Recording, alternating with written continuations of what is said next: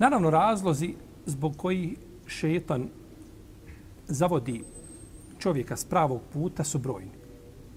Ti razlozi su brojni, a nekad mogu biti poznati, nekad mogu biti nepoznati, a uglavnom su nepoznati. Pa jedan od razloga zbog koji šetan zavodi čovjeka jeste osveta. Osveta čovjeku. Možda ga je čovjek ponekad uznemirio na način kako ne zna. Nije svjestan. Da je posuo vrelu vodu pa došla na njega ili obavio fiziološku potrebu gdje se on nalazio ili ga je uznemirio na bilo koji drugi način pa želi da mu se osveti. Može biti isto tako, može biti a, iz neprijateljstva koga gaji šeitan prema čovjeku.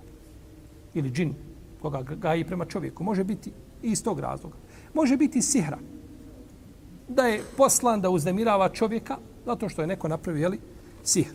Može biti što voli tu osobu. Kako spominju islamski učenjaci. Da može zavoljeti tu osobu i ta osoba ne mora biti lijepa. A. Znači, džin zavolio osobu, ne mora znaš da je ta osoba šta? Da je ona odmah lijepa, čak se i džinima dopala. Nije to, to nema veze sa ljepotom. Nego, zavolio je tu osobu i onda je, znači, onda je uznemirava. Pa je, razlozi mogu biti, može biti zavist. Zavidi čovjeku. Jer džini imaju sve to, znači što ima, što ima, jeli, i pri sebi čovjek ti osobina negativni. Pa je a, putevi ti prilazi šeitanovi čovjeku su mnogobrojni. A ako čovjek ne zna kako da se brani, e onda je jednostavna i lahka žrtva znači tom džinskom ili šeitanskom svijetu. Tim prije što i mi ne vidimo. Ne znaš da ti spletkari.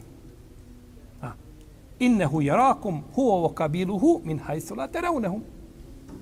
On vas vidi i njegove vojske, odakle vi njih ne vidite. I zato imam šafija kaže, ko kaže da vidi džina i da, da, da je vidio džina i da, da, da, da, da znači da, da, kao biće, kaže, od takvog se ne prima šehadet.